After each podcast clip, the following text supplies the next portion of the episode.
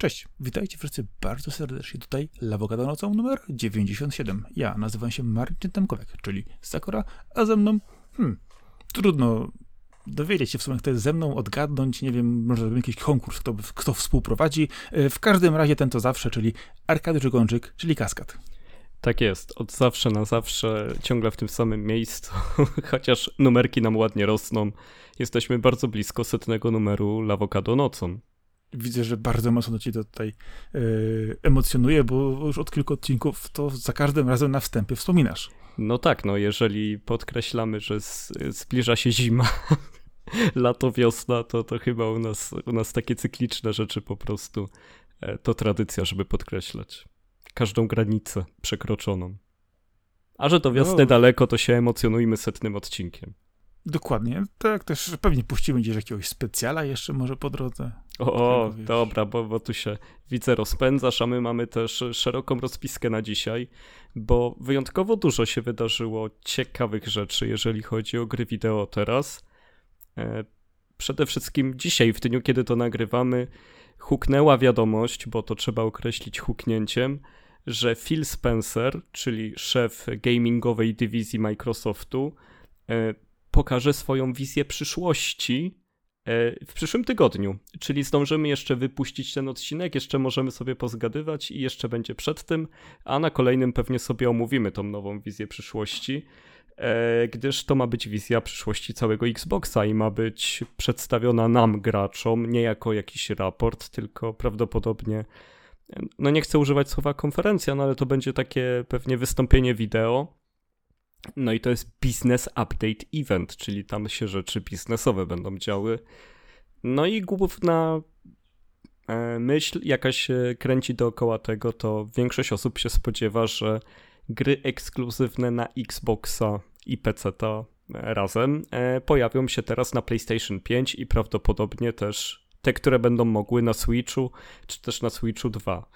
E, powiedz mi, co o tym myślisz, co jak widzisz ten update Microsoftu? Czy może oni nas zaskoczą i pokażą handhelda swojego, swoją odpowiedź na Steam Decka i zagrają wszystkim na nosie? Kwestia tego, co mogą pokazać, możemy sobie gdybać dowolnie. Wiesz, y, wyobraźnia graczy jest nieograniczona, nasza też, co już nieraz udowadnialiśmy. Y, ja też, szczególnie różnymi głupotami.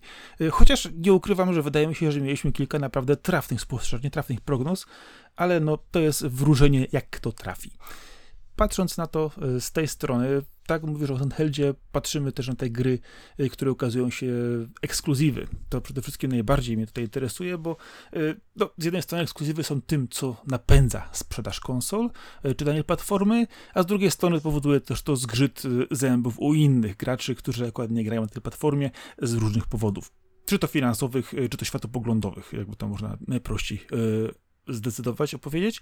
Natomiast to, jakie plotki są, jakie wiesz, kwestie się przewijają między graczami tutaj, no to na różnego typu, czy to y, stronach, w sekcjach komentarzy, czy też y, na przykład w mediach społecznościowych pojawiają się bardzo różne rzeczy.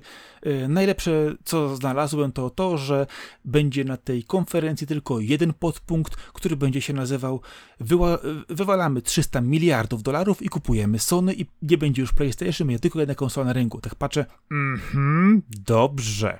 Więc jeżeli chodzi o to, o czym możemy sobie pomarzyć, to rozwrót od handhelda E, do Xboxa, do kupienia Sony jest bardzo duży. Oczywiście w środku gdzieś tam siedzą ekskluzywy.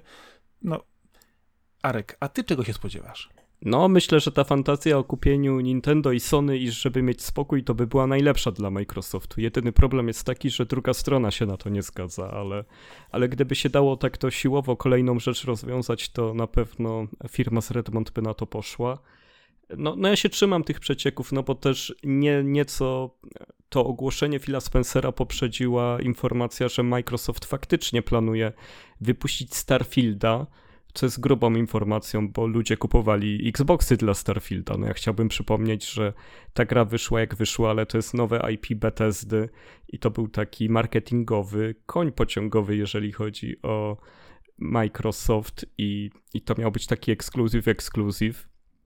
Poza tym niedawno zapowiedziany Indiana Jones też podobno są plany, żeby może nie od razu, ale kilka miesięcy po Xboxie już wylądował na PlayStation 5, czyli tutaj Microsoft jak zwykle zasłania się tym, że chce być otwarty na wszystkich graczy, na wszystkie platformy, a tak naprawdę chce wszystkich zagarnąć dla siebie, tylko nie może tego zrobić kusząc ludzi do zakupu swojego sprzętu, więc y, wpuszcza konia trojańskiego na inne systemy.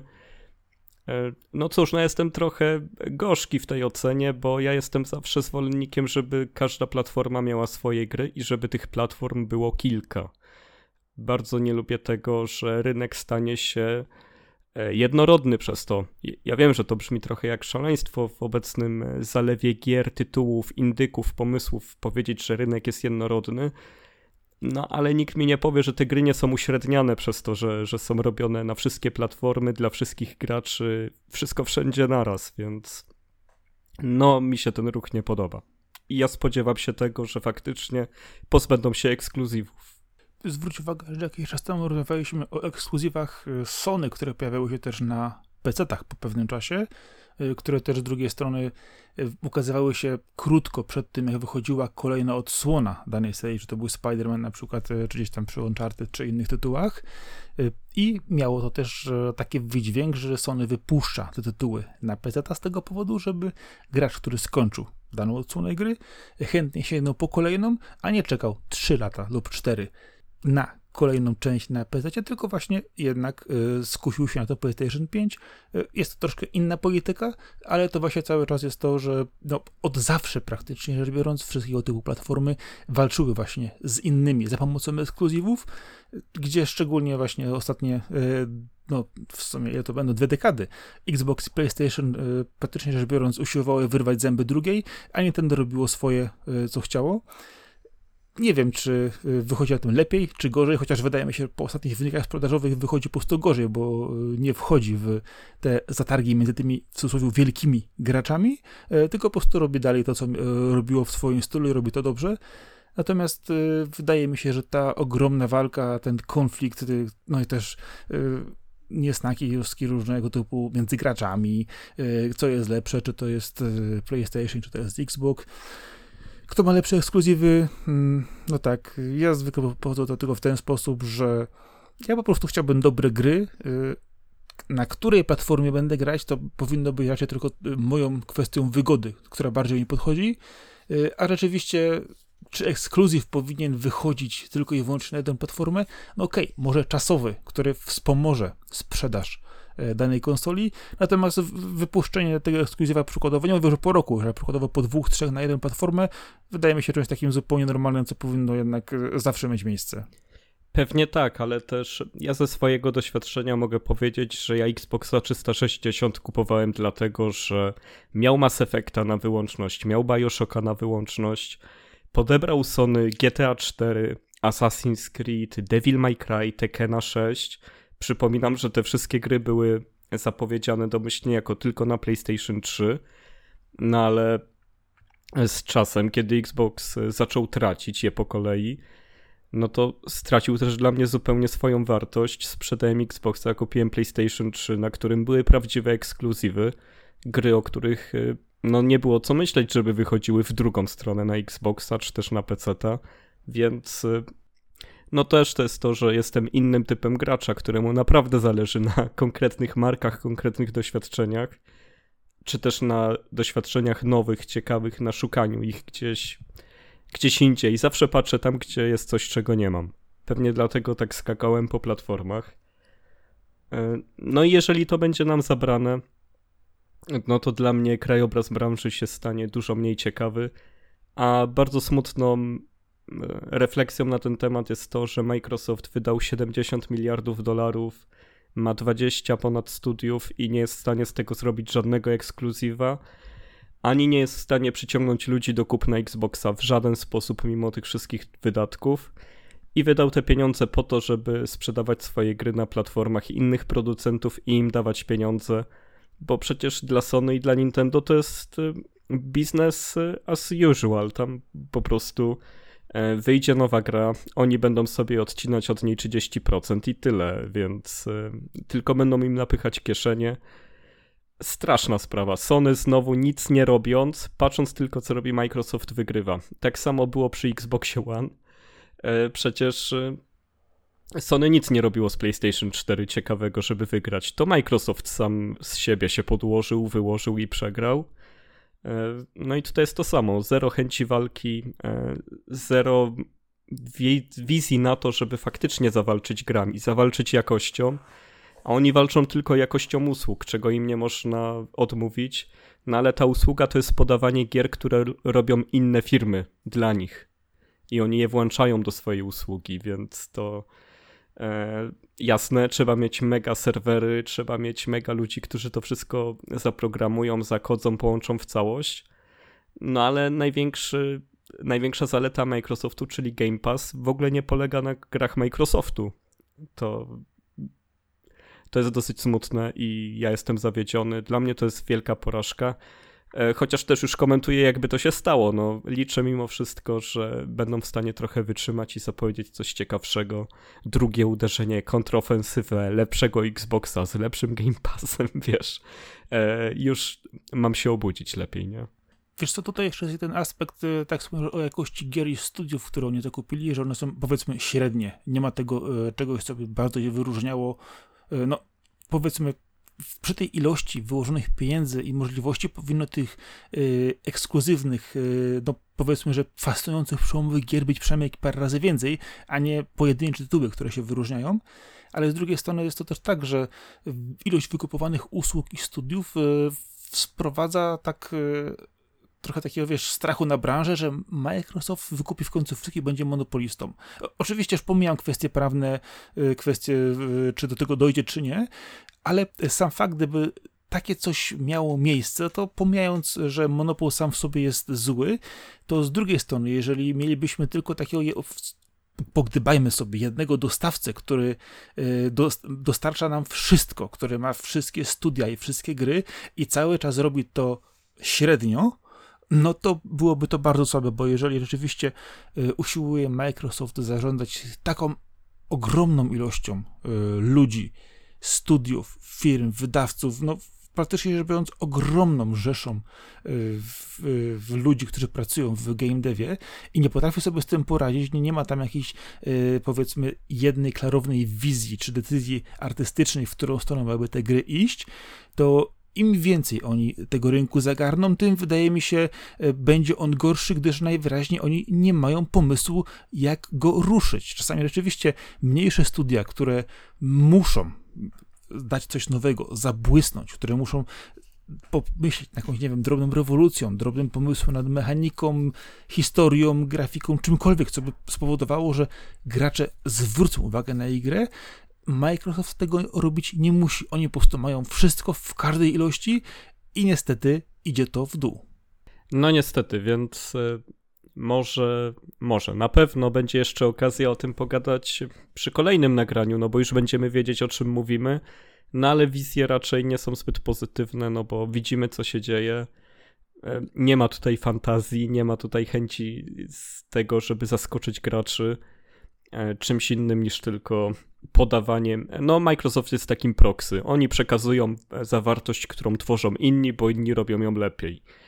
I Według mnie to jest ogromna strata całego potencjału ludzkiego, jaki tam jest. Tym bardziej, że jeszcze zwolnili 1900 osób po, po tym zakupie Activision Blizzard, co też jest, no. Mówi samo za siebie. Ale, ale przejdźmy do nieco ciekawszego tematu, takiego ciekawostkowego nawet. E, bo jeżeli chodzi o pieniądze, to okazało się, że 378 tysięcy funtów, bo, bo mam tutaj otwartego akurat y, Eurogamera, więc w funtach to jest prawie 400 tysięcy funtów tygod e, tygodniowo, przepraszam, miesięcznie wydają twórcy Palworld na to, żeby utrzymać serwery tej gry. Tak wielki jest to sukces. Co o tym myślisz, jak to skomentować? W ogóle jakie to są koszty? No, y, tu jest, wiesz, pytanie, y, czy lepiej, kiedy płacisz za grę jednorazowo, czy lepiej, jeżeli jest on abonamentem? I co się dzieje, jeżeli padasz ofiarą własnego sukcesu? Cokolwiek by nie powiedzieć, liczby są ogromne, zarówno jeżeli chodzi o ilość graczy, jak i też to, jaki jest koszt serwerów. Pytanie, jak oni są w stanie długo to pociągnąć, ile jeszcze będą musieli sprzedać tych gier, żeby to wszystko działało, bądź też wypuścić na przykład jakieś season passów, pierdół, czy wstawić do środka jakieś dodatkowe mechanizmy mikropłatności. Myślę, że mogliby w tej kwestii dużo nauczyć się od Destiny. No, biorąc pod uwagę, że już jest chyba 19 milionów graczy i są to ludzie, którzy lubią takie gry, więc są raczej też przyzwyczajeni do tego, żeby do nich dopłacać, no to za, załóżmy, że co 20 z nich wyda 10 dolarów, no to już jest wystarczająco na to, żeby, e, żeby opłacać te rzeczy. No ale fajny taki insight w branży, że tutaj 400 tysięcy funtów niecałe kosztuje utrzymanie tak wielkiej gry tak wielkiego sukcesu, no i trzeba być też na to gotowym, bo, bo to jest inna strona monety tego całego sukcesu, że e, inna kwestia do niego doprowadzić, a inna go utrzymać i faktycznie potrafić sobie z nim poradzić. Pamiętam, że Final Fantasy XIV miało zwykle takie problemy na początku, kiedy wychodziło nowe DLC, kiedy pojawił się nowy dodatek a tam Square Enix też przecież stawiało tak potężne serwery i nie wyrabiali, ale oni też potrafili to skalować na tyle, że, że już potem wszystko wracało do normy, ale też te gry potrafią się tak rozrastać, że no Palworld cały czas sprawia, że jestem w szoku. Nie mogę zrozumieć tej popularności, no ale o tym chyba też e, się nagadaliśmy ostatnio. Wiesz co, myślę, że warto tutaj wspomnieć też taką kwestię, że tego typu gry jednak zawsze, tak mówisz, przyciągają graczy. To jest coś fajnego, pomijając oczywiście to, że y, sam fakt y, no, jechania na Pokémonach, co jeszcze nie ucichło cały czas, tutaj różne, różne kontrowersje wokół tego są. Y, myślę, że jeszcze nie jedno o tym usłyszymy. Natomiast patrzę na to troszkę jeszcze z, z tej strony, że jeżeli masz grę, którą sprzedajesz na raz, no to okej, okay działa. E, z drugiej strony masz e, grę, która jednak jest grą sieciową, która potrzebuje kasy na utrzymanie serwerów. I to mi się zaraz przypomina ta informacja, która pojawiła się zaraz na początku, kiedy to e, bodajże Epic wezwał twórców gier do siebie na spotkanie, na, bodajże na jakiś video meeting bo mieli umówione jakieś określone przepustowości serwerów, a okazało się, że oni po prostu zeżarli praktycznie od razu i musieli kombinować, jak y, tą grę utrzymać, aby udźwignęła ich ta infrastruktura. Więc wydaje mi się, że czasami oczywiście nawet yy, wydawcy nie są w stanie yy, przewidzieć właśnie takiego sukcesu gry, takiej ilości osób, które w ten tytuł grają, więc to jest też pytanie, yy, no oczywiście jest to ofiara własnego sukcesu, e, ale z drugiej strony zastanawiam się trochę w drugą stronę, e, bo e, wydając grę sieciową, oczywiście zawsze trzeba zabezpieczyć odpowiednie koszty na infrastrukturę. Zastanawiam się też ta kwestia, czy, bo wiem, kwestia tego, jak się wykupuje przepustowość serwerów, miejsce serwerów i tak dalej, wiadomo, są różne widełki, przepustowości, koszty i tak dalej, to zależy od tego oczywiście, gdzie to mniej więcej działa, ale pytanie jest takie, czy na przykład duże gry, duże tytuły, y, które idą w właśnie rozgrywkę sieciową, czy one na przykład zabezpieczają y, odpowiednie koszty, czy na przykład od razu zabezpieczają odpowiednią ilość serwerów, które obsługuje dane tytuły, na przykład nie jest to w drugą stronę, że oni na przykład założyli, że będzie milion graczy na dzień dobry, a tu jest, wiesz, 10 tysięcy i serwery stoją puste na przykład. Y, czy to też na przykład nie jest tak, że y, duży wydawcy, którzy teoretycznie zakładają duży sukces, nie przeszarżowują z tą ilością wiesz, miejsca na serwerach, bo to tam zupełnie odwrotną, odwrotną po prostu y, sytuację. Y, I to też jest właśnie też ciekawe, no jak tak naprawdę sobie, ciekawi mnie, branża radzi z tym od środka. Tak na przykład właśnie przykład Epic Games, które chwyta się za głową, mówi, ej ludzie, no przeginacie, no brakuje nam miejsca i mocy, żeby obsłużyć waszą grę. No jest to głównie PC-towy problem, ponieważ kiedy grasz na konsolach, no to Microsoft i Sony odpowiadają, no bo jest cały Xbox Live, PlayStation Network, no to siedzi na ich serwerach. E, czy tam jest potrzeba jeszcze jakiejś ingerencji z tego, co wiem, to nie, chyba że największe tytuły to, to jest inna rozmowa, mm, ale ale biorąc pod uwagę to, ilu jest użytkowników, Sony doskonale to wie, wie ilu z nich ma wykupiony online, e, ilu może zainteresować się jakąś grą. Myślę, że ci ludzie są tak dobrze zbadani, że na konsolach nie jest to problem. Tym bardziej dla e, twórców gier, którzy, nie wiem, wypełniają, że że ich gra będzie miała tryb online i jeżeli przejdą przez certyfikację, jeżeli dobrze się podłączą, przejdą wszystkie testy, no to jest ten online i oni się o to nie martwią, jeżeli chodzi o, o samo działanie i przepustowość, to wszystko tam działa. To, to bardziej kwestia Steama, pewnie Epic Games, skoro tak mówisz.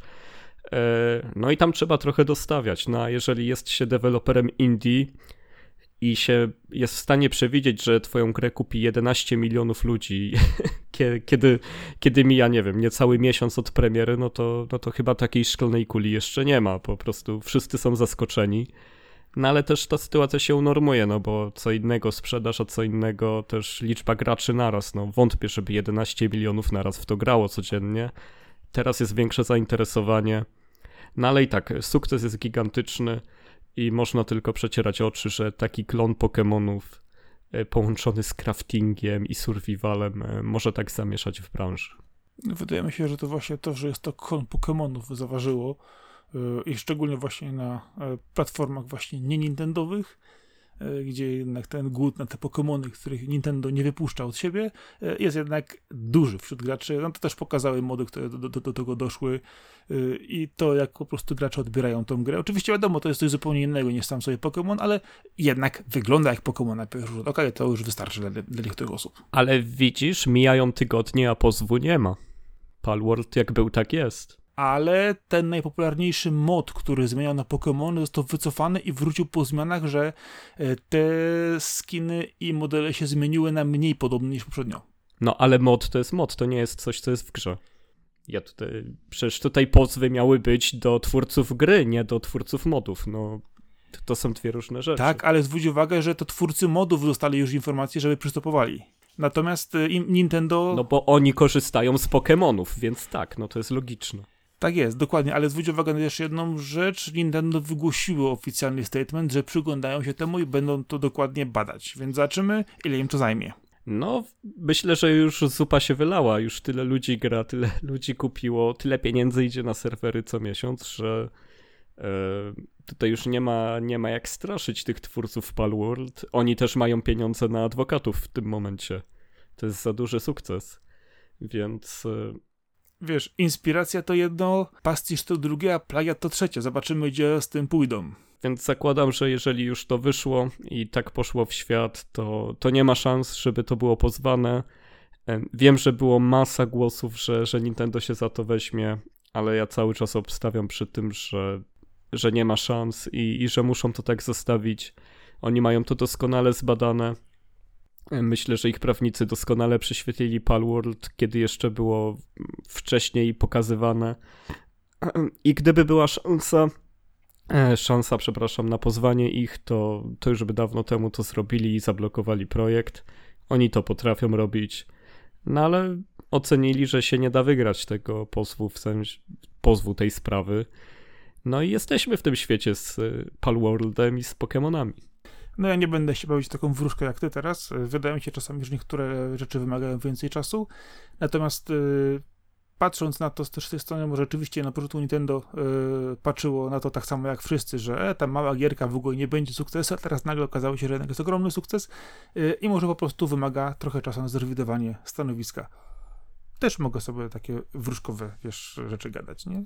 Nintendo zbiera siły na to, żeby wszystkich pozwać. O. No to co do wróżkowych rzeczy, no to ploteczki nasze ulubione. Okazuje się, że pięć tytułów z serii Resident Evil jest w developmencie w tym momencie. Pięć tytułów Resident Evil się tworzy. Jakiego byś chciał Residenta zobaczyć, skoro jest taki duży wybór? Tyle gier może wyjść. Code Veronica 3. O, no to widzę, że odważnie do przodu pojechałeś. tak jest, trzeba iść po bandzie. E, ja, ja Code Weronika nigdy tak nie lubiłem, więc też ja do tego kultu się, się nigdy nie dołączałem, no ale spoko. Chociaż dwójkę bym, by mogli najpierw zrobić, ale, ale trójka też dobra, jak Goat Simulator. O, no tak. E, wiesz co, no Resident Evil ma to do siebie, że każda kolejna gra, która wychodzi jest e, dobra w ten czy inny sposób, nawet jeżeli były jakieś kontrowersje.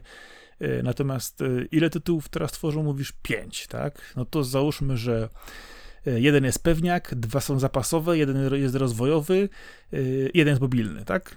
No, jeden to będzie dziewiątka po prostu, no bo to no, logicznie. To jest ten pewniak. To jestem pewien, jak ten. Jeden to będzie jakiś remake, to który remakeujemy.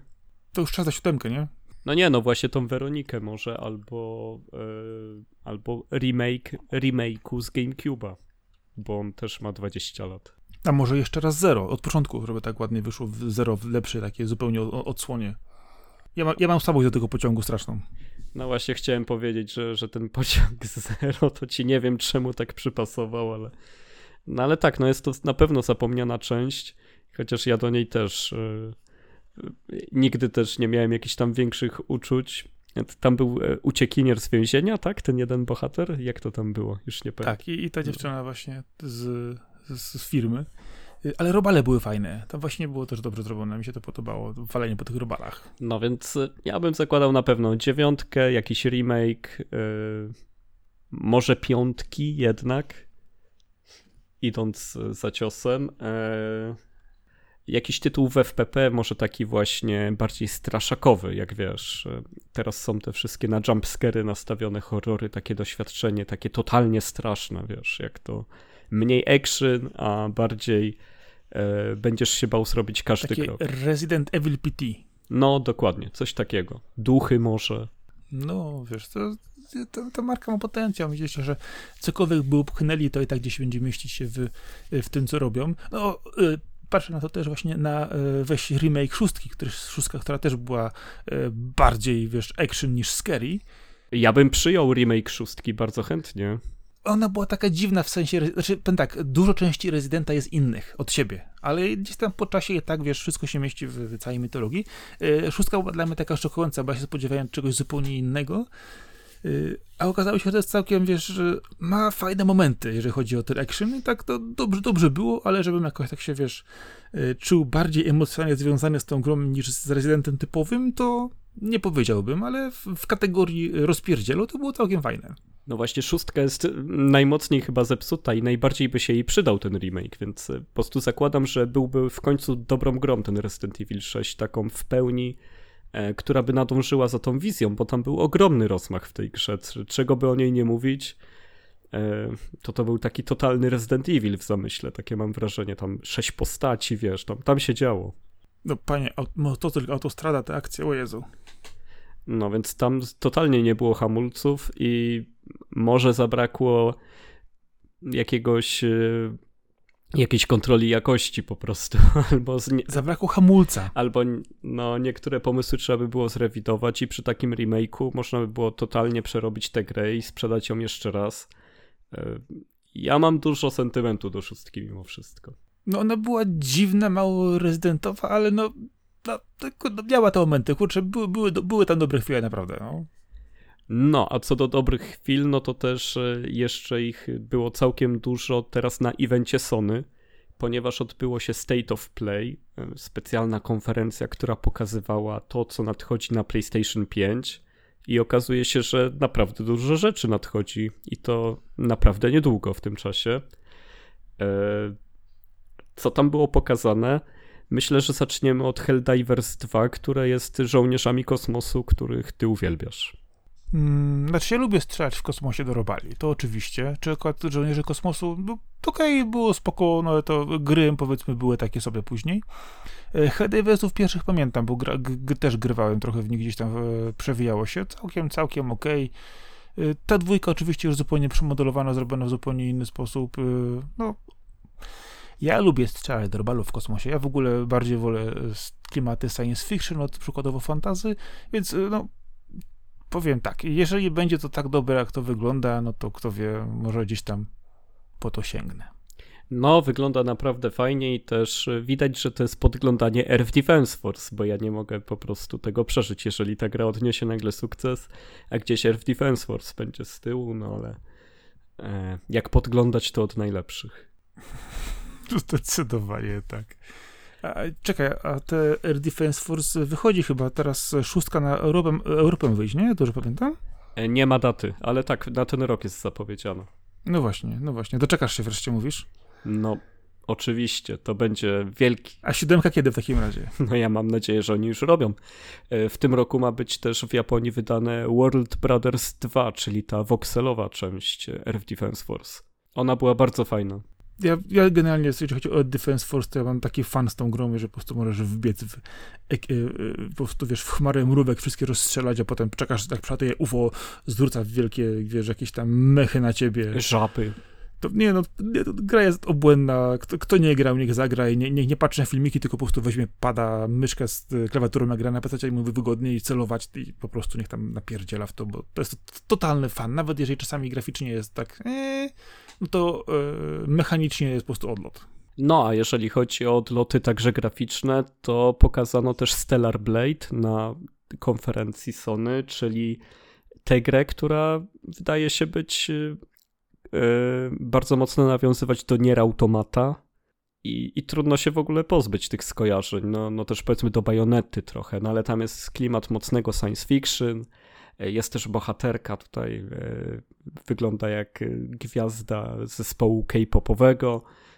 Wygina się, kopie, skacze, tnie, wszystko robi i to może być taka właśnie epopeja z piękną piosenką i z walczeniem o przyszłość ludzkości, bo też jakaś cywilizacja się pojawiła znikąd, czy też obcy, którzy chcą wszystkich zabić, my z nimi walczymy. Nasza bohaterka się nazywa Ewa, gdzieś tam jest jakiś Adam też, te, te wszystkie rzeczy są na miejscu. Bardzo mi się podoba ten tytuł. To jest, to, to ewidentnie, ewidentnie zajeżdża bardzo mocno Nierem. Dużo o tym wspomnieliśmy nie raz, że ta zapowiedzi były bardzo fajne, graficznie wygląda to dobrze, wygląda na totalny fan z grania, a ja jeszcze tak patrzę na to, tak mówiłeś o tym, że piosenka, wiesz, z pieśniem, wiesz, idziemy w bój, to proponuję, wiesz, takie typowe sceny, jak to w filmach, wiesz, wiesz, taka delikatna kobietka e, trzyma taki, wiesz, ciężki CKM w jednej ręce, w drugiej, w drugiej ręce mikrofon, wbiega w chmarę, wiesz, różnych postaci i oczywiście masz piosenkę takiego typu makros. Wiesz, i epopeja od razu gotowa. No, powiem ci szczerze, że tutaj może być ciężko z tym, bo widać, że twórcy bardzo na serio podchodzą do odpowiedzianej tutaj historii, chcą zrobić taki, wiesz, e, świat taki, w którym będziesz bardzo zaangażowany, jakieś tam grupki postaci. No ale ja to lubię, bo to wygląda na takie action, no, które lubimy. No dobra, niech będzie action, ale weź sobie Nier Automata i powiedz mi, czy ta gra w, gra w całości na serio ze wszystkimi postaciami, lokacjami? Ona była mocno na serio. No, no nie. No ale że co, że wioska Pascala i, i te rzeczy nawiązujesz, czy... No wiesz co, niektóre postacie były celowo przerysowane i zrobione w sposób, żeby, żeby było, wiesz, fajnie i śmiesznie. Ja... Nie musiały być wcale tak zrobione.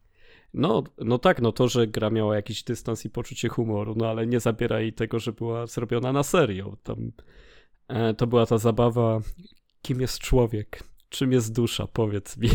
Skończyłeś to, powinieneś wiedzieć. Nie, nie chcę psuć zabawy wszystkim innym, no ale wy, e, przejazd przez wesołe miasteczko z czołgami, które walą konfetti, e, no to ja się, naprawdę się musiałem mocno powstrzymywać, żeby jednak ich nie rozstrzelać, ale mówię, no przecież nie o to chodzi, no spokojnie, tak? Nic nie robią.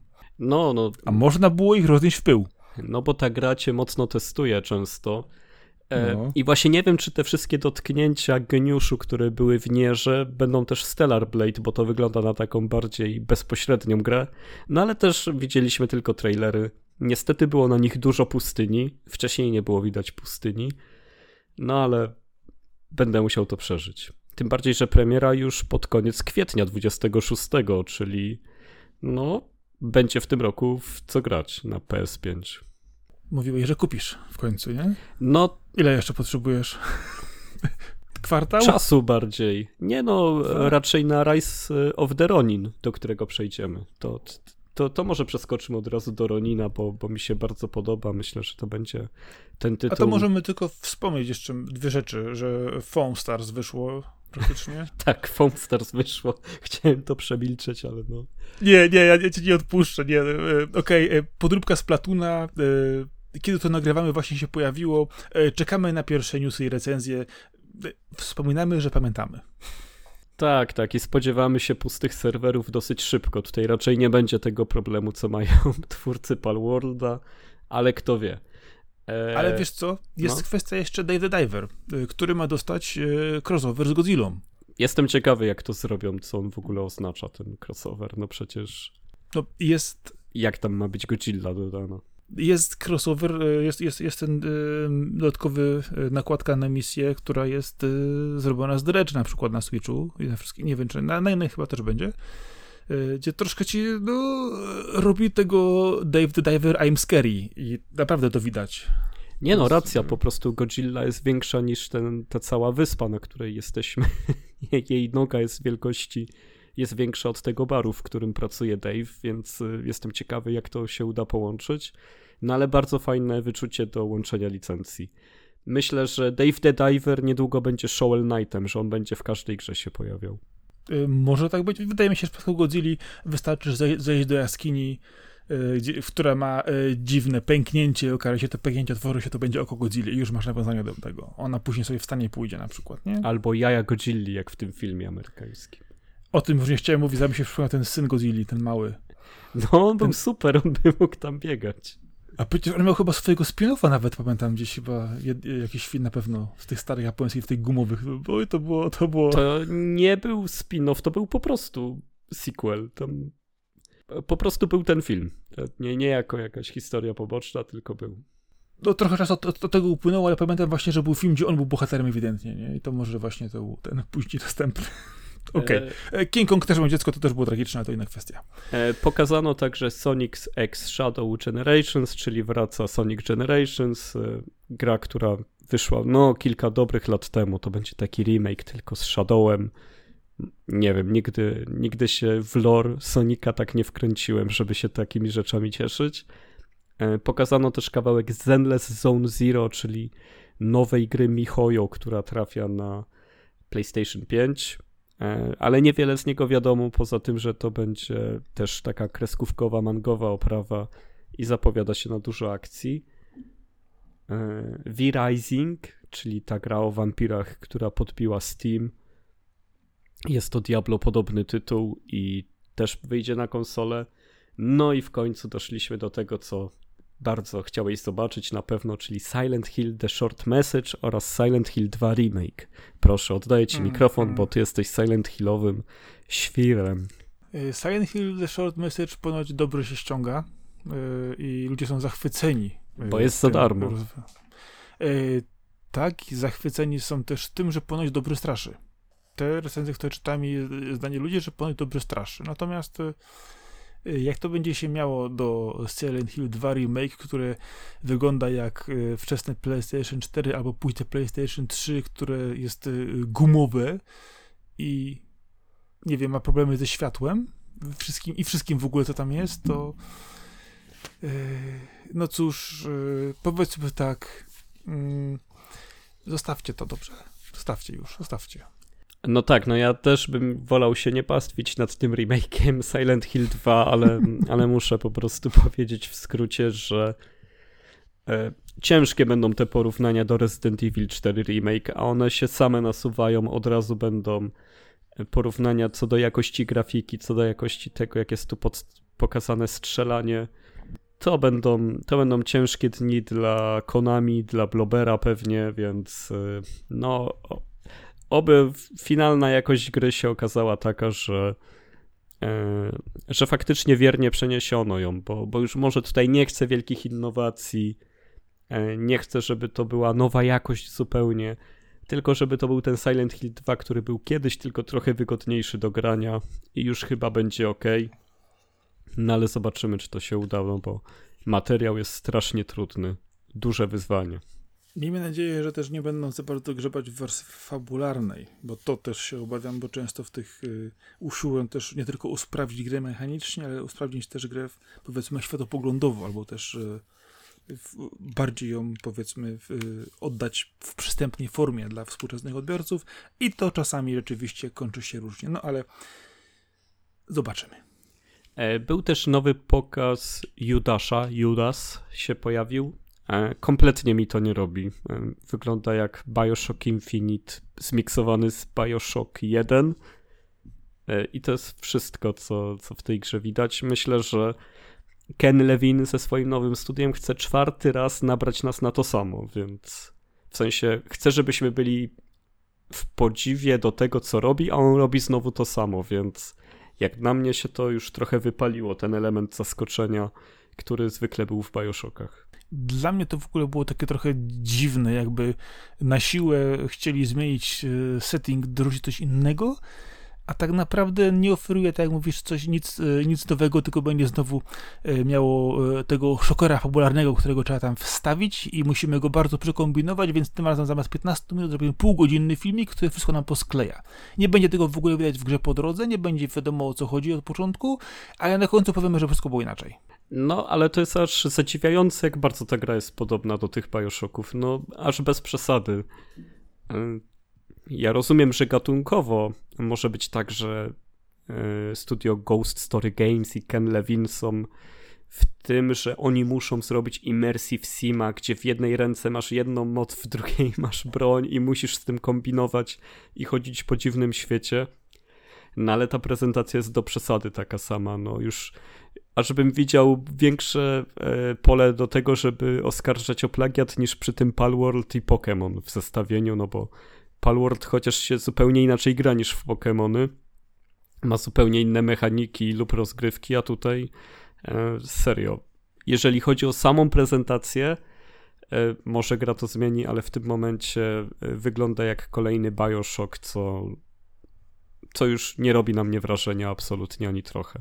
A Infinite przecież świetne robił wrażenie, kiedy był zapowiadany. Kwestia jest też taka, że jak można plagiatować samego siebie, albo na przykład jak można nie mieć pomysłów na nowe rozwiązania, tylko cały czas robić to samo, nie? Więc mieliśmy nie jednego twórcę, nie jedną grę, które e, tak się e, też działo i zachowywało, nie, nie kopiąc leżącego za bardzo. A może on chce ciągle zrobić coś innego, ale co by nie zrobił, wychodzi mu Bioshock. Może to jest taki przypadek. Ja znam takie przypadki twórcze, że chce zrobić coś nowego, ale na końcu czuje się tak niewygodnie i tak niepewnie w tym, co robi, że on jednak wraca do tego, co robił zawsze, bo to się sprawdziło. Jakbyś nie kombinował, ciągle zrobisz to samo. To jest tak jak z graniem w RPG od zera. Ciągle te same decyzje będziesz podejmować. Ej, nie, nie, nie, nie! Zrobiłem coś innego wreszcie, zrobiłem coś innego. W czym? Yy, wiesz co, yy, przeskoczę, dobrze? No tak. Yy, pojawiła się zapowiedź Dragon's Dogma 2. O, bardzo dobrze. Możemy I tu przeskoczyć. Ja, tak, bo to, to tu jest po to, to jest dokład zupełnie, wiesz, nie jestem akurat w grach VR, chyba, że ty chcesz coś o wirtualach powiedzieć, więc... No nie, pokazano dwa VR-owe tytuły, ale lećmy dalej. Wiesz co, Dragon's Dogma, e, to jest gra, którą pamiętam kupiłem na promocjach jeszcze na Switcha. Hmm. Przed laty to mnie w ogóle jakoś ominęło. Ja, jak mówiłem, ja jestem bardziej fantazy-odporny, bardziej wolę science fiction, e, ale no, sięgnąłem po pierwszą właśnie część Dragon's Dogma. E, na Switchu Arek, ty mnie ostrzegałeś, powiedziałeś, że albo ci siądzie od razu, albo w ogóle nie będziesz to grać. E, no cóż, gram w to teraz od tygodnia codziennie, jak to mówisz, skaczę po potworach, robię to z dziką przyjemnością, napierdzielam kogo się da e, i co ważne, zrobiłem sobie kompletnie inną postać, kompletnie innej klasy niż zwykle grałem w fantazy, podejmuję inne decyzje, niż, niż zazwyczaj, y, gdyż zwykle byłem miły, tu jestem gnojkowaty w tej grze i powiem ci, że czasami się oczywiście da zrobić coś innego od y, punktu widzenia gracza, ale to myślę, że z tego powodu, że ja dawno nie grałem w fantazy, tak mi to podeszło i też to, że ta gra jest bardzo dobrze zrobiona mechanicznie pod względem tego, co można w niej robić, a tak naprawdę jest totalny fan siekania tych potworów na drobne. Ale zanim skończę. ja myślę, że dlatego ci siadło, bo to jest gra, która oferuje bardzo dużą swobodę i możesz być w niej zwykłym głupkiem z mieczem, który biega, skacze i uderza, ale, ale te systemy tak działają, że. E, że no podejście do każdej bestii jest wyjątkowo ciekawe, zwłaszcza kiedy masz drużynę. E, no i poza tym ta gra jest taka trochę klanki, ona nie jest jakoś tam cudownie zrobiona pod względem animacji, czy też e, nie wiem, prezentacji tej walki, ale kiedy w nią grasz, no to czujesz się jakbyś miał, e, jakbyś mógł zrealizować każdy swój pomysł albo zbudować taką postać, jaką chcesz, czy też tak podejść do potwora, więc świetna walka po prostu. Nie tylko podejść do potwora, możesz na niego wejść. To jest też fajne. Możesz na niego wspiąć, walnąć go w bardziej, e, powiedzmy, wrażliwe miejsce to też wspominałeś, e, masz tą drużynę, którą robisz e, samodzielnie, czy twoja główna postać plus wspomagająca, resztę możesz sobie wyciągnąć e, od postaci, które wgrali inne gracze na serwery na przykład, bądź też tych, które są dostępni w okolicy, dobrze sobie balansować drużynę, ja po prostu, wiesz, z pieśnią na ustach, mieczem w łapie, biegnę w kolejną chmarę potworów i autentycznie znakomicie bawię. Dlatego też zapowiedź Dragon's Dogma 2 e, jest dla mnie czymś e, świetnym, bo to wygląda jakby wzięli Dragon's Dogma 1 i zrobili to lepiej. Tak, e, Dogma jest taką prawdziwą, sensowną alternatywą dla Monster Huntera, bo ma dużo punktów wspólnych, ale jest też zupełnie inną grą. To nie jest taki Monster Hunter, tylko zrobiony przez inne studio w inną skórkę, tylko faktycznie gra z podobnego mindsetu wyszła, ale zrobiona w zupełnie inny sposób, więc... Tak bardziej na poważnie, prawie że high fantasy. E, więc serio, no, no i też ta sama walka, samo to polowanie na te bestie trochę na innych zasadach jest, więc tak patrząc wysoko z góry, to to jest bardzo podobne, e, ale podczas grania to od razu czuć, że to jest zupełnie inna gra, więc e, no świetny tytuł. Dobrze, że możemy porozmawiać o tym, że wychodzi dwójka po tylu latach i dobrze, że się wkręciłeś w jedynkę, bo to znaczy, że dwójka też się sprzeda w, kolejnych, e, w kolejnej kopii, jak już będziesz miał sprzęt. Oryginalnie wyszło w 2012, na Switcha wyszło w 2019. Y, a jeszcze patrząc do Monster Huntera, to naprawdę ja się w Monster Hunterze nie bawiłem tak dobrze jak w Dragon's Dogmie, naprawdę. Ja po prostu mam totalny fan i co ważne, pomimo tego, że jest to duża gra, ona oferuje dużą swobodę, różne linie fabularne i tak dalej, y, to też bardzo dobrze sprawdza się na krótkie sesje, gdyż po prostu bierzemy jakąś krótszą misję, y, czy krótszą lokację do wyczyszczenia, czy do załatwienia, pach, 20 minut, rajd przez wszystkich, możesz sobie wyjść z spokojnie, wrócić do niej za chwilę, czy następnego dnia i nie tracisz praktycznie nic y, z tego, co tam się dzieje. Oczywiście możesz usiąść też na dłużej, wybrać się na dłuższą eskapadę, y, ale to właśnie jest to, że ta gra się bardzo sprawdza i w krótkich starciach, y, i w dłuższych, takich porządnych sesjach, kiedy oczywiście idziemy w ten świat i można się w niego całkiem fajnie wciągnąć. Tak, bo ta gra nie mnoży jakiegoś ciśnienia na graczu. To, to jest bardzo fajne, bardzo jest lekka ale głęboka. O, jakby to określić. No, no że już tam parę wątków fabularnych zauważyłem, że one się całkiem, całkiem sensownie idą i nie ma jakiejś takiej głupoty, e, idź tam, zabij kogoś, albo wyczyść mi ten, bo coś tam się dzieje. Tam się okazuje, że przy tych fabularnych wy, o, o, wymianach zdań z różnymi postaciami, to ma właśnie jakiś taki sens i go, ure, okay, w świecie, świecie fantazy, urealnia powiedzmy emocjonalnie to, co się tam dzieje. To jest bardzo fajnie zrobione, to trzeba mi oddać, oczywiście. Więc dwójka Dragon's Dogmy no... Już w marcu, 22. Dokładnie. Jest coś, co... Znaczy... I chyba tego samego dnia wychodzi Princess Peach na Switcha. Yy, ta gra o księżniczce Peach. I Rise of the Ronin też wychodzi 22 marca. Nie wiem o co chodzi, że jednego dnia wyjdą trzy takie gry. Rzeczywiście. E, ostatnio było tak w styczniu, że Tekken 8 i Yakuza 8 wyszły tego samego dnia, a, a teraz będą aż trzy gry tego samego dnia. No ja Rise of the Ronin bardzo się jaram, bo to jest e, otwarty świat taki asasynowy, ale zrobiony przez Team Ninja. E, I bardzo wierzę w to połączenie, ponieważ to oznacza, że będzie świetna walka, świetny kombat, taki bardzo angażujący, ciekawe poruszanie się i bardzo dobre realia, bardzo dobra muzyka, bo to zawsze siedzi w grach tej firmy.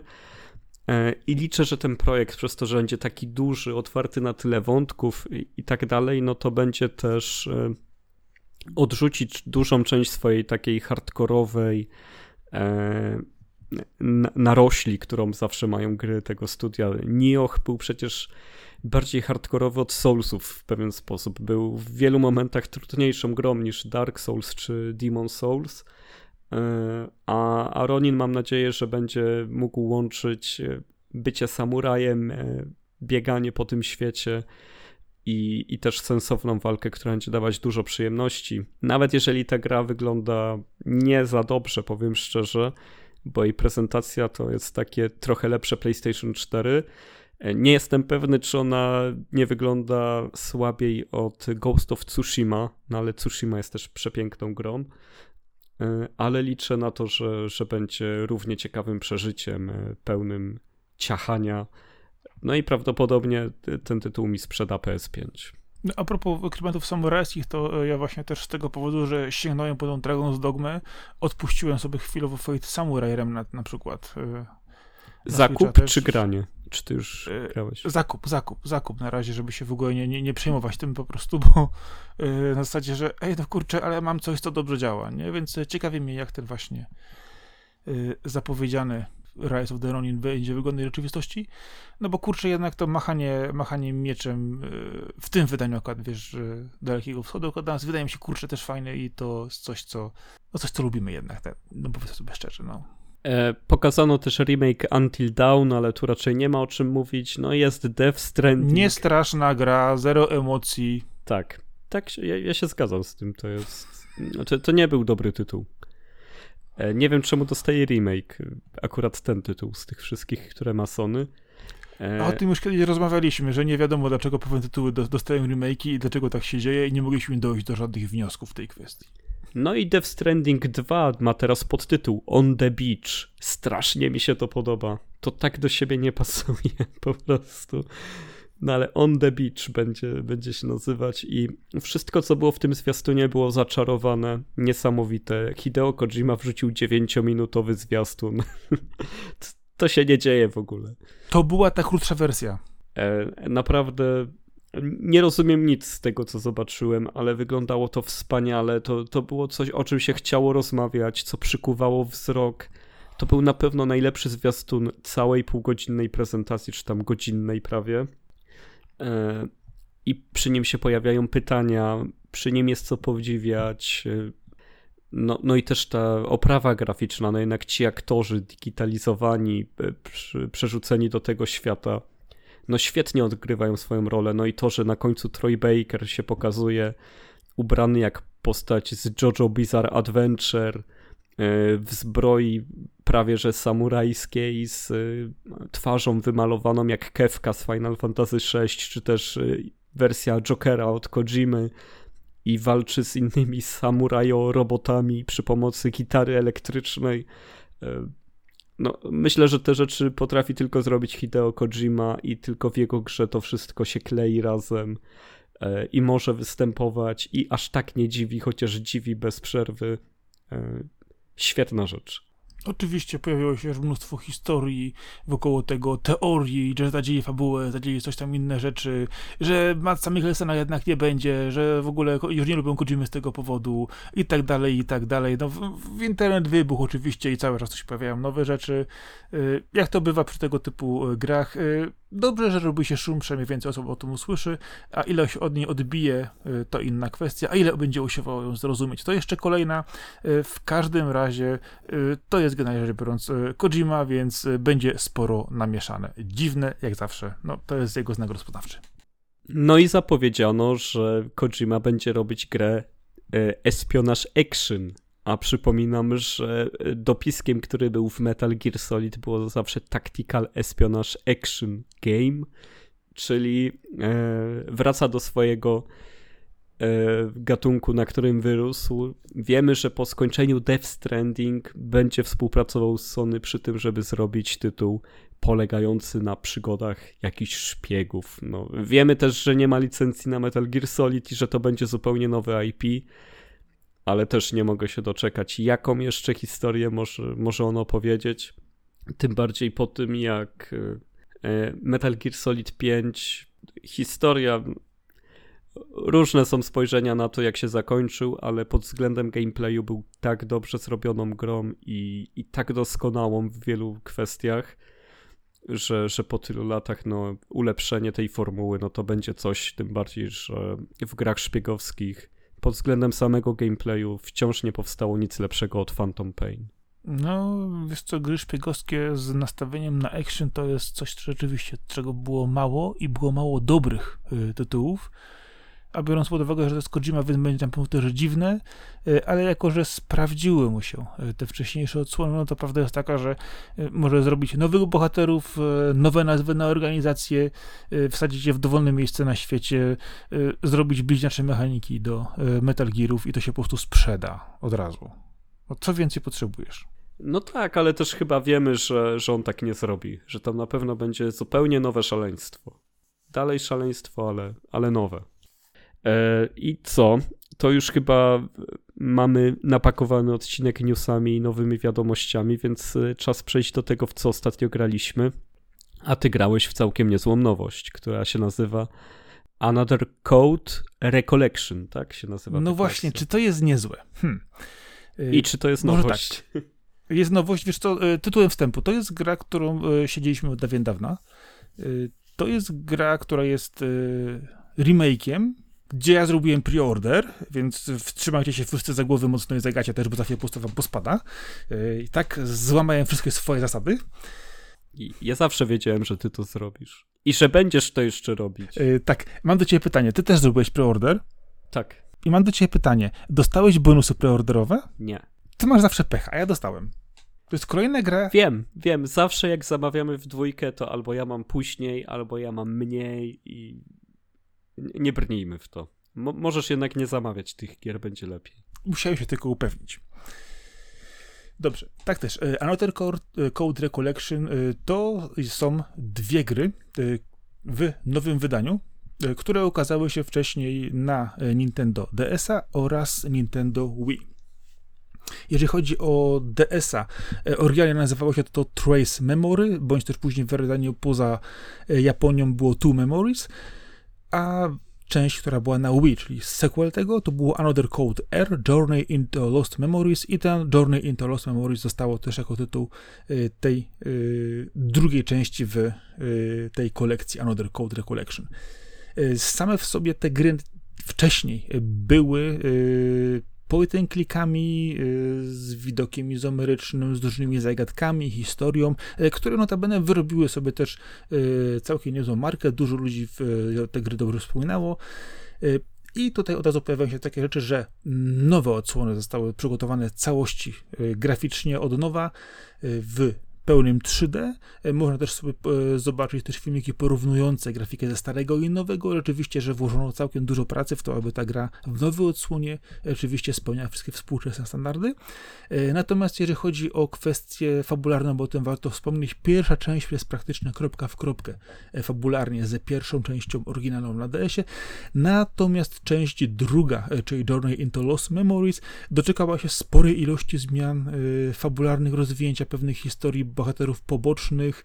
Y, sama core historii zostaje takie sam, natomiast y, dużo więcej rzeczy y, pojawia się w środku i te gry, pomimo tego, że zawarte są w jednej kolekcji, bardzo się od siebie różnią.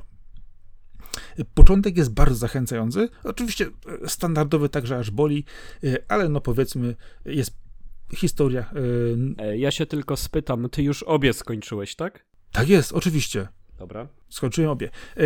Nasza główna bohaterka to Ashley Mizuki Robbins, czyli młoda, y, tam bodajże jest najpierw 12-letnia, później 14-letnia w drugiej części, czy 14-16, jakoś tak, teraz już okej. Okay. Pomiędzy tymi częściami jest, jest dwa lata różnicy, y, która przypływa na wyspę, y, szukając swojego ojca tam cała historia dotycząca rodziców e, głównej bohaterki jest głównym linią fabularną pierwszej i drugiej części, gdzie w pierwszej części skupiamy się na ojcu, w drugiej części skupiamy się na matce, łączymy pewne elementy z ich przeszłości, e, też to, nad czym pracowali, e, pytanie, dlaczego zginęła matka, dlaczego zaginął ojciec, co się dzieje, dlaczego wychowywana była preściotka. Dużo, dużo tych elementów tam się pojawia i praktycznie rzecz biorąc większość z nich jest wyjaśniona do końca czy to w pierwszej, czy y, drugiej części. Y, sama gra y, jest zrobiona powiedzmy w takich dosyć ładnych pastelowych kolorkach. Grafika oszczędna, tak jak to na Nintendo, ale jest ok, wszystko na miejscu, dobrze, ładnie wygląda i wchodzi bezproblemowo. I na tej wyspie oczywiście trafiamy na pozostałości po jakimś starym domu, gdzie mamy dużo zagadek, odkrywamy tą historię, przebijamy się przez kolejne pomieszczenia. Y, jest też y, kwestia też paranormalna, chociaż biorąc pod uwagę to, co się dowiadujemy na końcu, nad czym pracowali y, rodzice naszej głównej bohaterki, to kwestia paranormalna w pierwszej części jest powiedzmy w miarę jeszcze dołączona sensownie do tego, natomiast w drugiej części jest dowrócony jeden wątek, który absolutnie nie rusza, jest chyba tylko na siłę, żeby mieliśmy w pierwszej części ducha, to w drugiej też zróbmy, żeby nie było, że nie było. No tak to ja odebrałem. E, natomiast e, warto dodać to, że pierwsza e, z tych części ma dwa zakończenia, druga ma w sumie jedno. Przy czym, żeby dostać powiedzmy złe zakończenie, czyli to niepełne w pierwszej części, naprawdę trzeba się postarać.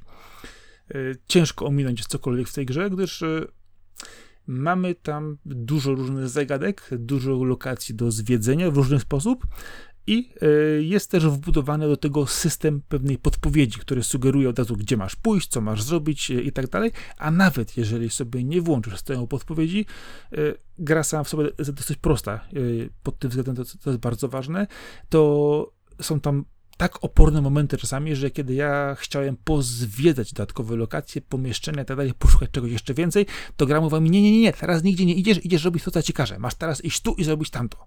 I to się spotykałem z tym parę razy, gdzie ta swoboda, która powinna być dużo większa, była taka zamykana na zasadzie, że nie, nie, nic nie robisz, nic nie idziesz, teraz fabularnie masz iść tam i koniec, kropka. No i trzeba było iść tam robić i był czasami problem z powrotem do pewnych y, miejsc y, po takich właśnie dziwnych momentach, kiedy nie wiedzieliśmy nawet, że y, gra nam powiedzmy przepchnie nas autentycznie, kopiąc nas w, w tyłek, masz teraz iść tam i to zrobić.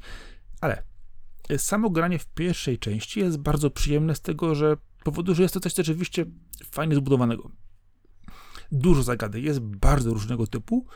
Takich rzeczywiście musimy zwrócić uwagę na różnego typu oznaczenia w okolicy, y, gdzieś popisane numery, znaleźć coś ukrytego, inne miejsca gdzieś przeszukać i zrobić, ale chyba najfajniejsze w tym wszystkim są zagadki, które operują na e, właśnie kontrolerach ruchowych, e, które są, wiadomo, w Switchu bardzo e, obecne i fajnie to działa, gdyż działa w większości grając na dużym ekranie na Pro Controllerze.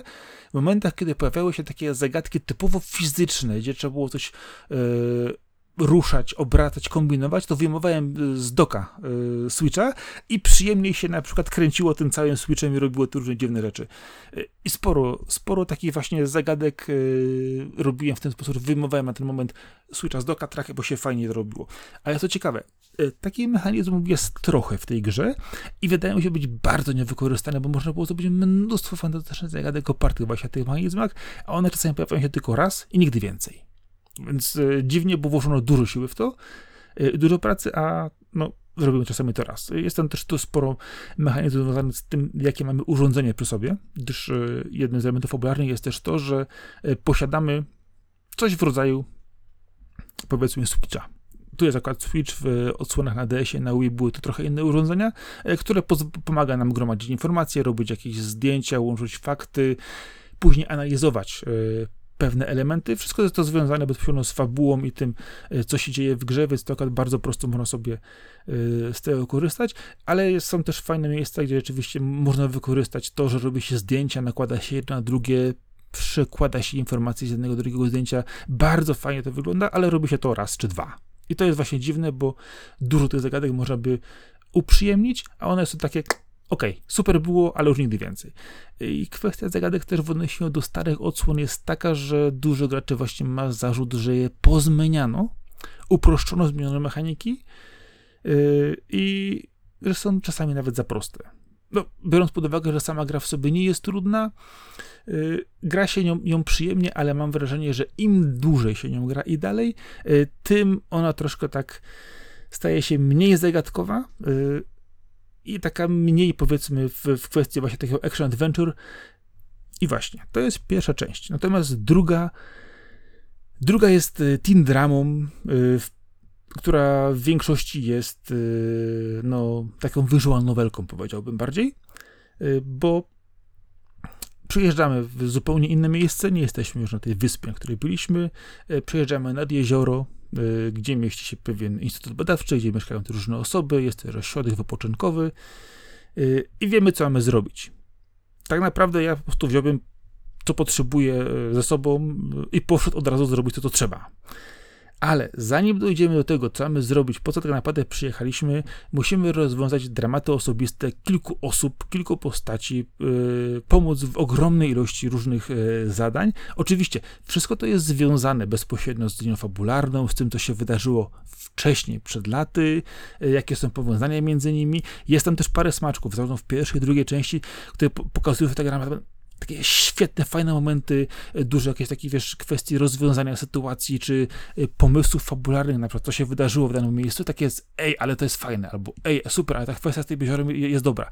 Gdzie rzeczywiście są dobrze, dobrze zrobione fabularnie, natomiast są one duszone czasami przez absolutnie niepotrzebne, e, przydługie wymiany zdań z, z całą po prostu ilością e, bohaterów e, po drodze, które tak naprawdę zamiast pomóc nam pójść dalej, to nam po prostu powstrzymują nas, ej, pomóż mi na chwilę, no i ta chwila trwa przykładowo godzinę dodatkową, zanim się ogarnie jakąś e, sprawę większą, zanim mogę pójść zrobić to, co potrzebuję.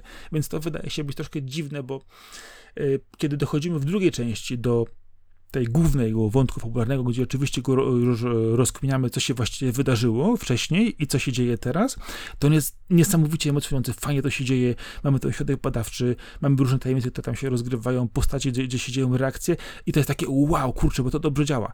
Ale dlaczego nie mogliście zrobić wcześniej czegoś tak równie emocjonującego, tylko zrobiliście z tego teen dramę, e, gdzie więcej gadamy i rozwiązujemy zagadki i co po chwilę każe nam gdzieś iść, zamiast ja bym chciał pójść w inną stronę, no spodziewają się po tej grze czegoś lepszego, naprawdę przyjemniejszego, fajniejszego, więcej zagadek, no a tak jednak jestem trochę rozczarowany tym. Y, patrzę... A nie myślisz, że ona może miała taka trochę być? I też przez to, jaka jest, jest odpowiednia dla młodszych graczy, no niestety nie jest po polsku, tylko na anglojęzycznych, którzy no, no chcieliby po prostu poznać historię w formie właśnie gry wideo bardziej niż czytać książkę czy, czy słuchać książki, tylko no tak miało być może. Powiem ci, że i tak i nie.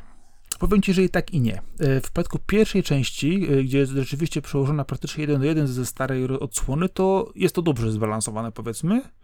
Natomiast druga właśnie tym jest, no, dziwny jest taki rozdźwięk między tymi, tymi grami. Wydaje się, że jeżeli otrzymujesz grę, które są razem w jednym cyklu, to powinny te mechaniki i te ilości, powiedzmy, informacji przekazywanych w różny sposób na trochę wyważyć a tam jednak bardzo mocno ta szala jest przełożona w y, zupełnie inną stronę y, i nawet jeżeli miałby to być młodszy gracz, czy powiedzmy y, nastolatek, który przykładowo chce właśnie poznać tego typu historię, to on się może w pierwszej części odbić od tego i nie dojść do drugiej, bo stwierdzi, że to nie, on w sumie wolałby trochę in, inaczej historię pokazaną, więc to są takie zupełnie inne gry pod tym kątem, a nie można przejść od razu do drugiej części, nie przechodząc przez pierwszą. To jest ważne.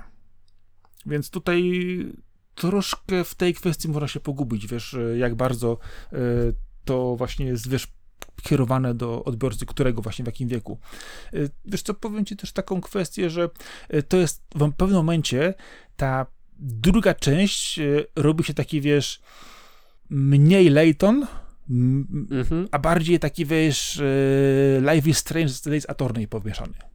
No właśnie, i to są takie raczej fajne skojarzenia. Oczywiście. Nie tylko dlatego to drążę, bo, e, bo chciałbym z ciebie wyciągnąć, czy to jest e, gra, którą się oceni pozytywnie, czy, czy w jaki sposób, bo, bo kiedy się tak skupiamy na rzeczach, które nie wyszły, czasami obraz jest zaburzony na końcu. Jakbyś bardziej Dobrze. ogólnie powiedział na podsumowanie o tych grach powiem ci tak, jeżeli chodzi o skojarzenia z y, tymi y, innymi licencjami, to jak najbardziej. Tam jest dużo fajnych mechanizmów, jest, jest dużo fajnych smaczków.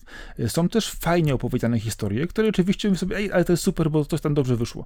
Ale właśnie to, że jednak one są źle wyważone, powoduje, że ciężko się odbiera tę grę właśnie, bo ona strasznie traci tempo bardzo mocno, wiesz, kiedy czujesz, że idziesz, coś odkrywasz, tak dalej, to nagle zatrzymujesz się na kolejnej postaci, która cię, wiesz, wyrywa z tego rytmu i każe robić coś zupełnie innego. Nie masz tej mhm. swobody, że przykładowo weźmiesz kawałek z tej sprawy, kawałek z tamtej sprawy, będąc e, przykładowo w innym miejscu, dorobię jeszcze tamte punkty, podpunkty, które były od tej drugiej postaci. Nie. Praktycznie biorąc, musisz tak iść po kolei, jedno po drugiej i nie masz takiej swobody w tym. I to jest strasznie, strasznie zaburzone, jeżeli chodzi właśnie o to, w jaki sposób y, idziesz i rozwiązujesz te poszczególne elementy właśnie zagadkowe w tej grze, y, czy też właśnie zagadkowe, no i problematyczne dla innych postaci. Więc to y, Pierwsza część bardziej mi się podobała pod względem zagadkowym. Druga, y, jeżeli patrząc pod, pod względem zagadkowym, też ma bardzo fajne rzeczy. Szczególnie ta e, sekwencja, która jest końcowa w tym ośrodku badawczym, jest bardzo fajnie zrobiona. Natomiast to, to jest po drodze, momentami jest e, trochę męczące jednak, gdyż no, po grze, która reklamuje się jako historia, która jest, wiesz, skupia się na zagadkach i na rozwiązywaniu tajemnic, to w druga część strasznie pod tym, pod tym względem jednak e, do, się rozjeżdża i rozczarowuje. Sama gra w sobie, powiedzmy, jest ok. Gdybym miał, powiedzmy, dekadę, no nie no, powiedzmy z dwie mniej na karku, to myślę, że bym się o wiele bardziej lepiej bawił i bardziej tę grę e, powiedzmy docenił niż, niż teraz.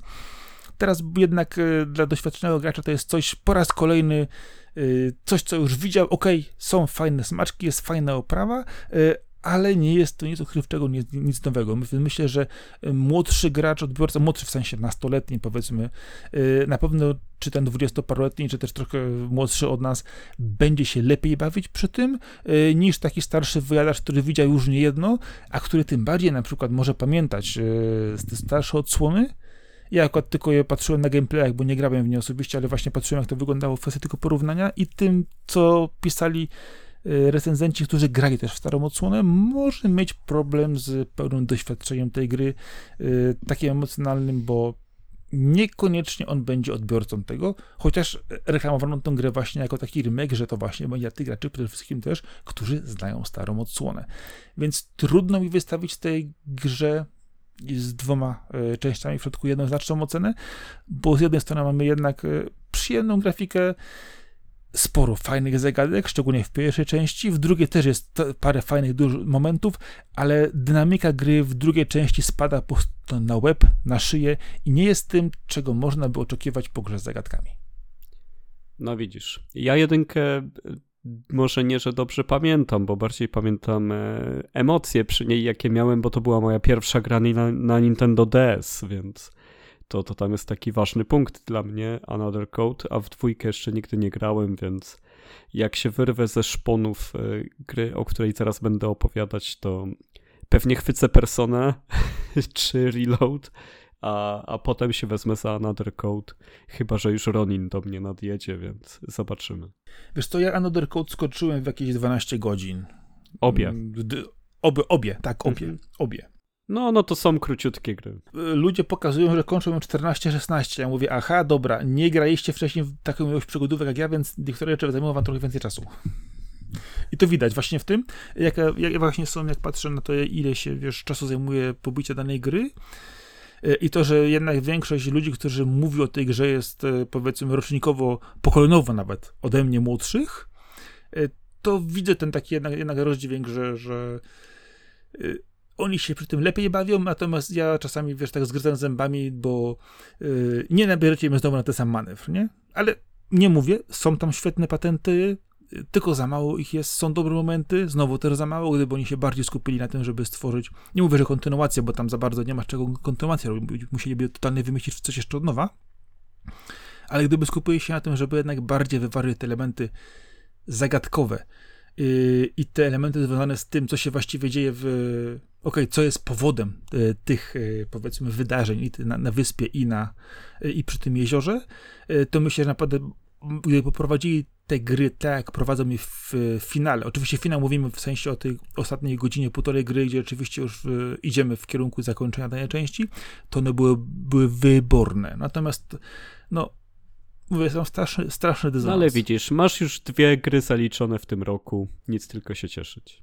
Nie, nie tylko te, już coś, coś więcej bym jeszcze znalazł. No widzisz, no a tak, a jeżeli chodzi tutaj o moje przygody, o wrażenia i recenzje, no to e, trzeba, trzeba przede wszystkim skupić się na tym, że moi, większość wolnego czasu wciąga mi Tekken 8 e, i tutaj bardziej niż recenzować chciałbym o nim chwilę opowiedzieć, bo Tekken nie jest grą, którą jakoś wybitnie trzeba przedstawiać. E, na szczęście w Polsce jest dosyć silne granie w Tekena, zawsze było. E, każdy się jakoś odbił, spotkał z Tekenem, więc wie mniej więcej o co chodzi. E, jest to gra, w której każdy przycisk odpowiada za jedną z kończyn bohaterów. Stają naprzeciwko siebie i się naparzają. Jest to bijatyka 3D, więc można też chodzić w głąb planszy, nie tylko przód, tył, jak w Mortalach czy Street Fighterach, tylko też uniki na boki robimy.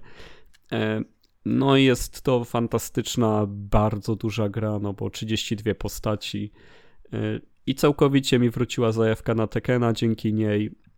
Y, przede wszystkim dlatego, że jest taki fajny online.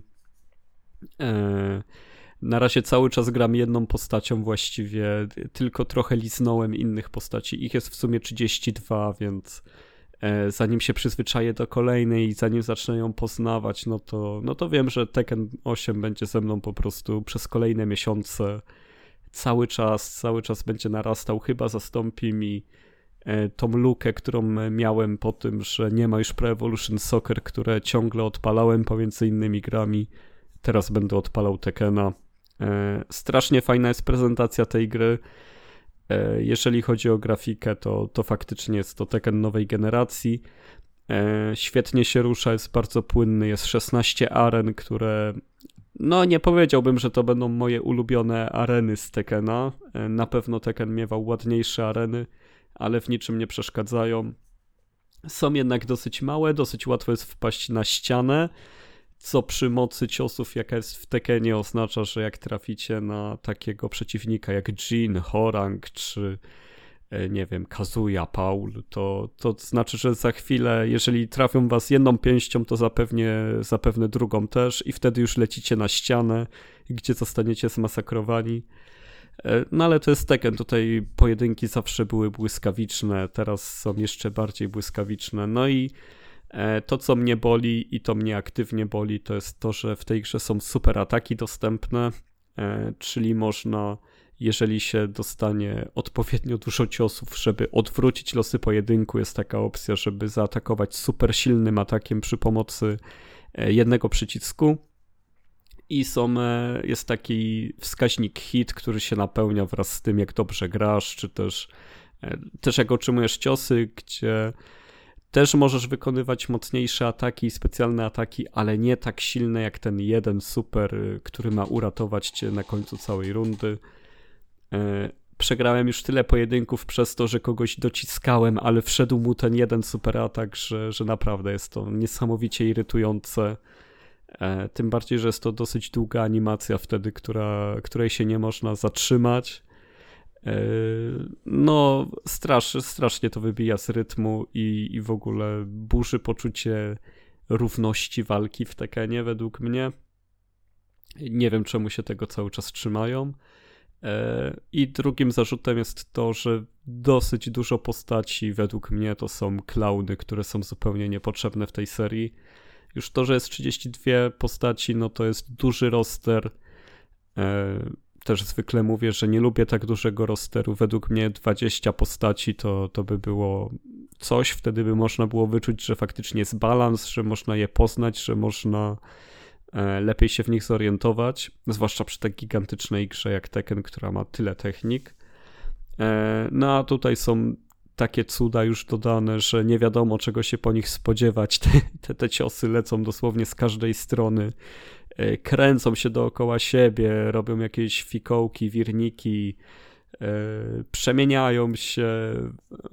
To, to jest to, że przez to, że to są wojownicy, którzy nie walczą żadnym prawdziwym stylem, E, nie ma też możliwości nawet e, domyślić się bez e, długiego treningu, gdzie kolejny cios pójdzie, bo oni po prostu nielogicznie ruszają kończynami, jest to skuteczne. No ale i tak Tekken jest jaki jest, każdy to widzi, ta, ta gra jest tak techniczna, miodna, płynna, że, że te wszystkie wady swoje potrafi skutecznie zasypać i, i znikają przy niej godziny w szalonym tempie. Naprawdę bardzo polecam każdemu. Jeżeli Was interesuje tylko single, to jest też story mode bardzo rozbudowany, jest arcade, jest, są epizody postaci, które też są fabularne. E, jest Tekken Ball, czyli ta siatkówka plażowa, też jest doskonała, wraca z Tekkena 3. No, muszę przyznać, że naprawdę jest to taki porządny, wysokokaloryczny posiłek, wielka paczka radości dla mnie. A jak wygląda to w kwestii tych najbardziej koniecznych postaci? Y, kto wraca, y, kto po raz kolejny opowiada swoją historię, jak to wygląda właśnie fabularnie, bo Tekken jednak zawsze bardzo mocno stał tą kwestią historii postaci. No, główną kwestią jest to, że Heihachiego nie ma, Heihachi nie żyje na dobre. E, no nie ma kilku faworytów. Y, Ediego nie ma na przykład, ale on ma się pojawić jako pierwsza postać z Season Passa. Pewnie właśnie ci e, starzy, dobrzy faworyci są zastawieni na to, żeby trzymać ludzi przy kupowaniu Season Passów, no bo e, nie wiem, ja na przykład od Tekena 3 zawsze grałem Lejem, jego nie ma, byłem bardzo zdziwiony. E, w siódemce doszła Lidia, która była świetną postacią i też jej tutaj nie ma. Jest tylko jeden Gunjack, może będzie drugi Gunjack. Nie ma Brusa na przykład, czyli tego wojownika, który walczył Muay Thai. No, no zebrałaby się jakaś tam lista ludzi, których brakuje, ale poza tym no każdy, kto powinien być, to jest. No jest Nina, jest Jin, Kazuya, e, Asuka, Jun wróciła. Jun to jest moja postać w tym momencie.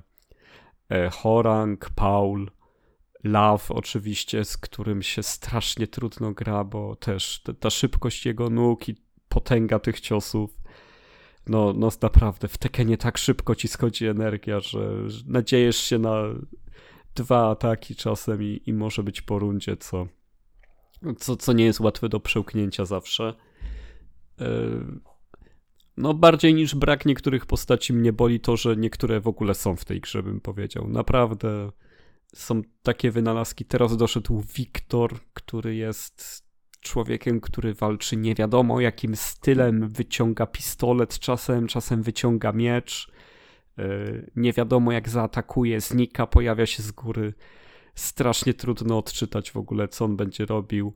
E, wraca też Raven, wraca, no on jest cały czas od piątki, który też ma podobne dzikie ruchy. Mówią, że niby on walczy ninjitsu, ale to jest w ogóle jakieś tam wymyślone ninjitsu, nic tam się też nie da wyczytać, strasznie źle się walczy przeciwko niemu, ale e, no ale to, to są problemy, na które oczywiście się narzeka, bo się przegrywa. Zawsze można tak powiedzieć, że po prostu jestem za słaby, a nie, że te postaci za mocne. No ale widzę, widzę wyraźny wzór w tym, że postaci, które mają wymyślony wzór, wzór, styl walki, to są te, z którymi są duże problemy, a te, które walczą bardziej, nie wiem, w stylu karate, jetkundo, yy, taekwondo, yy, czy też tym no to jest też wymyślony ten styl Mishima, ale ten, co zawsze był w Tekenie taki oparty po prostu na e, prostym kopnięciu i mocnych pięściach, no to, no to są czytelne postaci, z którymi dobrze się gra, przeciwko którym a te, które już zaczynają się kręcić, szaleć tracić głowę dosłownie, to, to jest inna sprawa. No i jest oczywiście Kuma i Panda, co, co powinno ciebie cieszyć. Właśnie to chciałem zapytać, czy jest Kuma i Panda. E, no okej, okay, to jest, e, było pierwsze pytanie. E, natomiast drugie pytanie moje jest takie, bo zastanawiam się, gdzie się podział Yoshimitsu. Jest, jest, oczywiście. Jest? No zobacz, o, nawet, nawet, no... On no ma takie, takie techniki w tej grze, no jest jeszcze dziwniejszą postacią niż zawsze był. Naprawdę, jak, jakbyś zobaczył, jak on porusza się chodząc na dwóch katanach jak na szczudłach, to, to jest finał. Pamiętasz w Soul Caliburze Voldo? Oczywiście. No on był od jedynki chyba, od Soul Blade'a nawet. Tak, tak, dokładnie. Od, ja jeszcze pamiętam Soul Edge'a, bo pierwsze co grałem japońskie importy, jeszcze to dowód temu. Y, to jest postać, znaczy pomijam, że w drugiej części, przecież w drugiej części Yoshimitsu też się pojawił. Bodajże drugiej albo trzeciej. Tak, Yoshimitsu na pewno był też w Soul Caliburze obecny jako postać, bo to się pojawiało. E, nie pytaj mi się dokładnie od kiedy, no ale Soul Calibur raczej tak. Nie wiem, czy Soul Blade. Yy, Soul Calibur 2, na pewno. I jedynka też. Czy był Yoshimitsu w jedynce, to nie pamiętam, wiem, że był w dwójce na pewno. Okej, okay, dobra, to, to możemy sobie dywagować, sprawdzić przy okazji. Yy, wiesz co, bo a jeszcze tylko wracając do Voldo, bo Voldo był taką postacią, że kiedy z nią walczyłeś i grałeś z kimś, to nie wiedziałeś, czy grasz z mistrzem, który opanował tę postać do perfekcji, yy, czy z absolutnym amatorem, który maszuje pociski i tak mu to wychodzi. Yy, czy tak kwestia właśnie Yoshimitsu też wygląda? W Tekenie Yoshimitsu, żeby nim grać, to trzeba być strasznie dobrym graczem. Naprawdę, to jest postać, która się opiera na tym, że ma dziwaczne ciosy, dziwaczne techniki, ale naprawdę zabójcze. Z tym, że no wyczucie co do nich, opanowanie ich, w ogóle ta postać głównie polega na tym, żeby co chwilę zmieniać ciosy, żeby ciągle zaskakiwać innego gracza. Strasznie trudno się gra przeciwko Yoshimitsu, który jest ogarnięty, więc no, no to jest raczej z tych postaci, które są trudne, ale jak ktoś potrafi, no to od razu to widać. To dwa pytania na koniec. Czy można zmieniać styl walki podczas e, walki? E, no, no czekaj, no to jest skomplikowane, no bo niektóre postaci mają swoje specjalne no. pozy i w nie tak. przechodzą, ale też ja gram postacią, która tak nie ma i wiem, że te główne postaci jak King, Paul i tak dalej też tego nie mają. E, No. Czy, czy tam e, się pojawia to w przypadku innych, no to jeszcze tak nie mamy przegranego tego Tekena, no ale zawsze to robiłem lejem, bo, bo ja właśnie grałem lej Wulong w, od Tekena 3, no to w sensie on był już wcześniej, ale ja grałem od trójki, no to on miał chyba aż sześć pus, w których stawał i to była taka zmiana stylu walki, więc na pewno są pozy postaci niektóre, które przybierają, żeby zmienić wyprowadzanie ciosów, ale to raczej tyle. Nie ma czegoś takiego jak e, Vanessa w, w Virtua Fighter 4 miała, gdzie faktycznie zmiana stacji była, była wyraźną zmianą stylu walki. No, ewentualnie Horanga można tak uznać, no bo on trzyma z przodu prawą czy lewą nogę, no to wyprowadza zupełnie inne kombosy, no to, to jest coś w tym stylu. Dobrze, takie macie pytanie na koniec.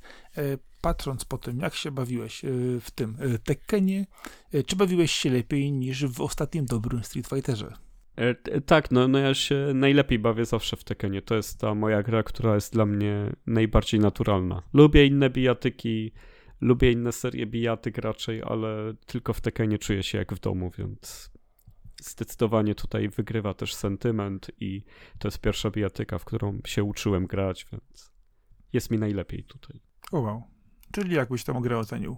No bardzo wysoko, ale też no... Podsumowując, tak. Nie da się jej dać najwyższej oceny, no bo oczywiście ma swoje wady, ale to w ogóle nie wpływa na to, że będę w nią grał cały czas do dziewiątki, więc no, no to jest taki gra usługa dla mnie idealna.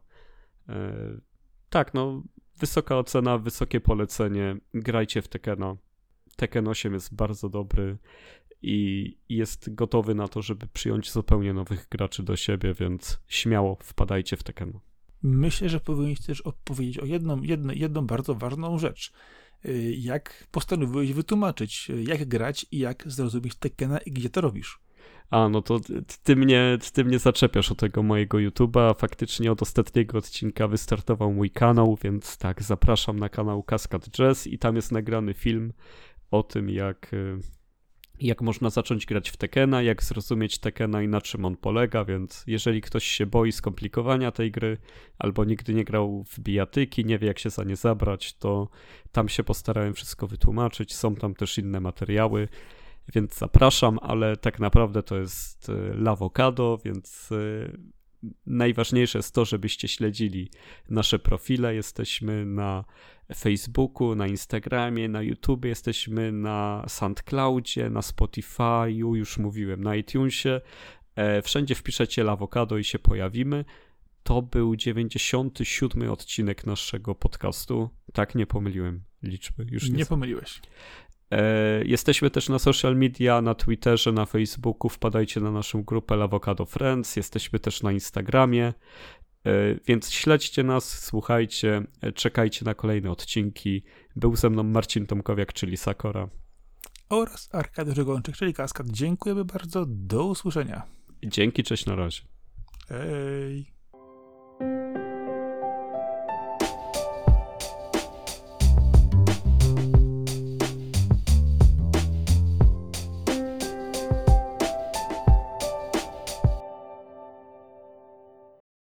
Słabo, słabo. Ja przyjechałem późno, ty wyszedłeś wcześniej i tyle było piątku. A. Nie mam z tym żadnego związku emocjonalnego. A. Ja chciałem jeszcze powiedzieć, że autobusem przez Tokio jest zarąbiasty i chcę streamy z tego. A. Ale tak, Tokio Busana jest bardzo fajne, tylko ja bym musiał to poprzechodzić i odkryć nowe miejsca, a to się tak trudno przechodzi, że... No to spoko. Dobra, no to ten, zamykam drzwi i lecimy. Jasne.